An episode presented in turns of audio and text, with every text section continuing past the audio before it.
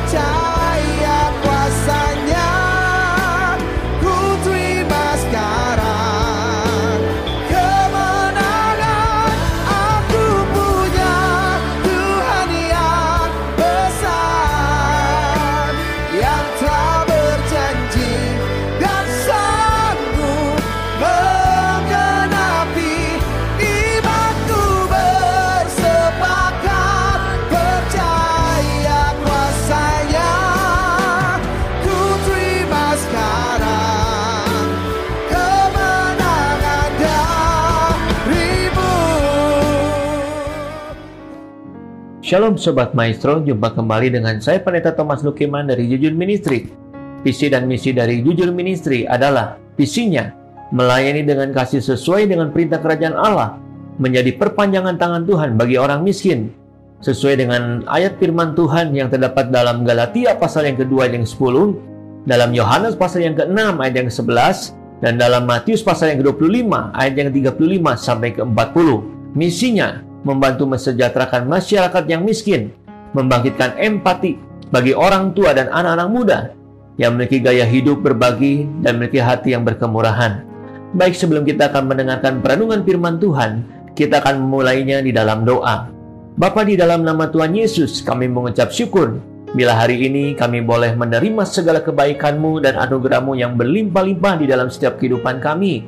Melalui perenungan firman Tuhan ini, kami boleh lebih mengenal akan pribadi Tuhan. Kami membuka dan pikiran kami, kami siap untuk diberkati oleh kebenaran firman-Mu. Di dalam nama Tuhan Yesus kami berdoa dan bersyukur. Amin. Sobat Maestro, tema firman Tuhan hari ini adalah bertahan dalam iman. Ternyata di dalam diri kita ada yang namanya logika dan iman. Keduanya ini saling bersaing ketat di dalam diri kita saling mengalahkan satu dengan yang lain. Kalau iman kita lemah, maka logika yang menguasai dan mengendalikan hidup kita ini sangat berbahaya bagi hidup kita. Tetapi sebaliknya, kalau kita mau merendahkan hati dan mau menanggalkan logika kita, lalu kita hidup dalam iman, maka iman kita akan menguasai dan mengendalikan hidup kita. Dampaknya, iman kita akan semakin bertumbuh dan semakin kuat, tidak akan mudah goyah dan tergoncangkan oleh gelombang dan badai kehidupan yang menyerang kita. Mengapa banyak orang tidak dapat bertahan dalam iman? Tentunya pasti ada sebabnya dan alasannya. Mari kita lihat dalam sudut pandang kebenaran firman Tuhan di dalam Markus pasal yang keempat ayat yang ke-35 sampai ke-37 pada hari itu waktu hari sudah petang Yesus berkata kepada mereka marilah kita bertolak ke seberang mereka meninggalkan orang banyak itu lalu bertolak dan membawa Yesus beserta dengan mereka dalam perahu di mana Yesus telah duduk dan perahu-perahu lain juga menyertai dia. Lalu mengamuklah taupan yang sangat dahsyat dan ombak menyembur masuk ke dalam perahu sehingga perahu itu mulai penuh dengan air. Di dalam ayat ini diceritakan ketika Yesus sudah seharian berkhotbah dan mengajar di depan orang banyak yang disertai oleh para muridnya dan hari pun sudah menjelang malam Yesus dalam kondisi sudah kelelahan dan kecapean. Lalu Yesus naik perahu dan meminta murid-muridnya untuk bertolak ke seberang, meninggalkan orang banyak tersebut. Di tengah-tengah perjalanan, tiba-tiba saja ada taupan yang sangat dahsyat dan ombak menyembur masuk ke dalam perahu, sehingga perahu itu mulai penuh dengan air. Dan apa yang terjadi? Murid-murid sangat panik dan ketakutan. Mereka berpikir, "Oh, jangan-jangan perahunya sebentar lagi tenggelam." Dalam peristiwa itu, murid-murid fokusnya hanya kepada badai yang sedang mengamuk dan bukan fokusnya kepada Yesus yang menyertainya. Faktor yang pertama, mengapa banyak orang yang tidak dapat bertahan dalam iman? Karena fokus hidupnya hanya kepada masalah dan persoalan hidupnya, bukan fokusnya kepada Yesus yang terlebih besar daripada masalah dan persoalan hidupnya. kalau kita hanya berorientasi kepada masalah dan persoalan hidup, maka akibatnya akan dikuasai oleh rasa takut, dikuasai oleh rasa kekhawatiran, dikuasai oleh rasa cemas. Rasa takut akan melumpuhkan kerohanian kita. Rasa takut akan membuat kita tidak mempunyai kekuatan untuk bergerak dan melangkah dalam iman. Rasa takut akan menghambat dan merintangi perjalanan hidup kita. Oleh karena itu, singkirkanlah rasa takut khawatir, cemas dalam kehidupan kita. Fokuskan hidup kita hanya kepada Yesus, bukan kepada masalah dan persoalan hidup kita. Karena Yesus terlebih besar daripada masalah dan persoalan hidup kita. Faktor yang kedua, mengapa banyak orang tidak dapat bertahan dalam iman? Di dalam Markus pasal yang keempat, ayat yang ke-30a-nya, pada waktu itu Yesus sedang tidur di buritan di sebuah tilam. Kenapa Yesus sampai tertidur di buritan? Alasannya, karena murid-murid lahir dan besar dalam keluarga nelayan. Profesi murid-murid pun adalah nelayan, yang artinya pekerja sehari-harinya adalah menjala ikan. Jadi murid-murid sangat piawai, sangat handal dalam menggunakan perahu, apalagi yang diseberangi hanyalah sebuah danau, bukan lautan yang luas. Lalu murid-murid berpikir bahwa Yesus hanyalah tukang kayu, tukang mebel. Dengan jelas profesinya tidak sama dengan murid-murid. Oleh karena itu murid-murid tidak memberi kesempatan dan mempersilahkan Yesus untuk mengambil alih dan memimpin dalam perjalanannya. Karena murid-murid merasa mampu, murid-murid merasa bisa, murid-murid merasa sanggup, dan pada akhirnya Yesus pun dibuat tertidur karena tidak dilibatkan dalam perjalanannya. Faktor yang kedua, mengapa banyak orang tidak dapat bertahan dalam iman? Karena Yesus tidak dijadikan sebagai nahkoda dalam perahu kehidupannya. Karena merasa mampu merasa bisa, merasa sanggup sehingga tidak melibatkan Yesus dalam perahu kehidupannya. Bagaimana dengan perahu kehidupan kita? Apakah Yesus sudah menjadi nakoda atau jurumudi di dalam perahu kehidupan kita? Atau kita sendiri yang menjadi nakodanya karena kita merasa mampu, merasa bisa, merasa sanggup? Yesus sangat diperlukan dalam pelayaran kehidupan kita.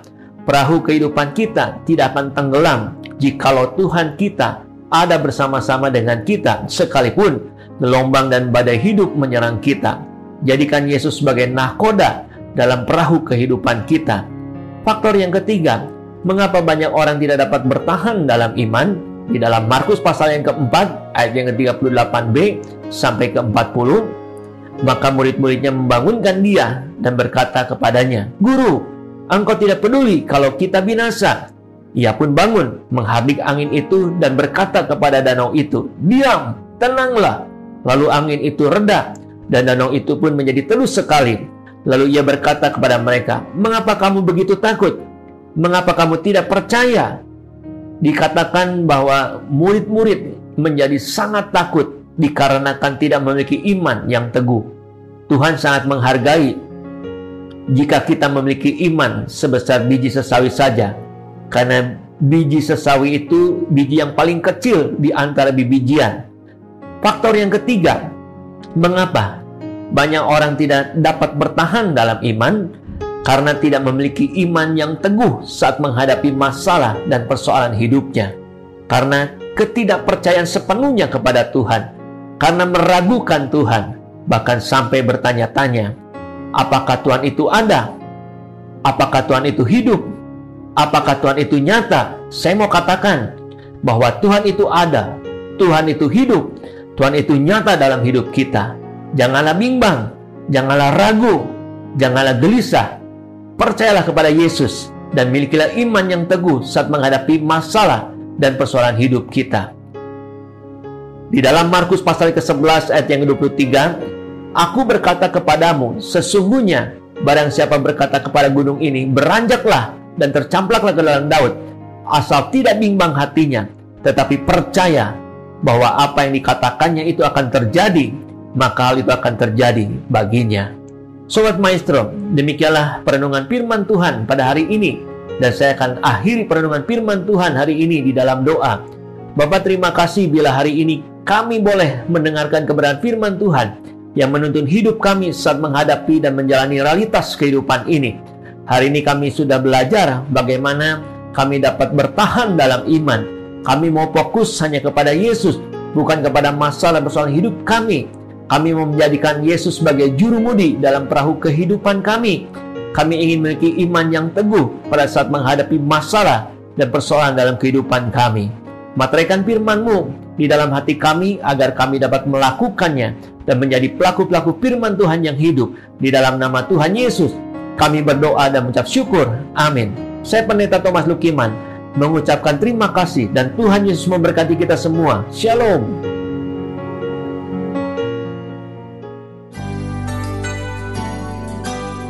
Sobat Maestro, kita baru saja mendengarkan pemberitaan firman Tuhan bersama Jujur Ministry. Terima kasih atas kebersamaan Anda. Tuhan Yesus memberkati.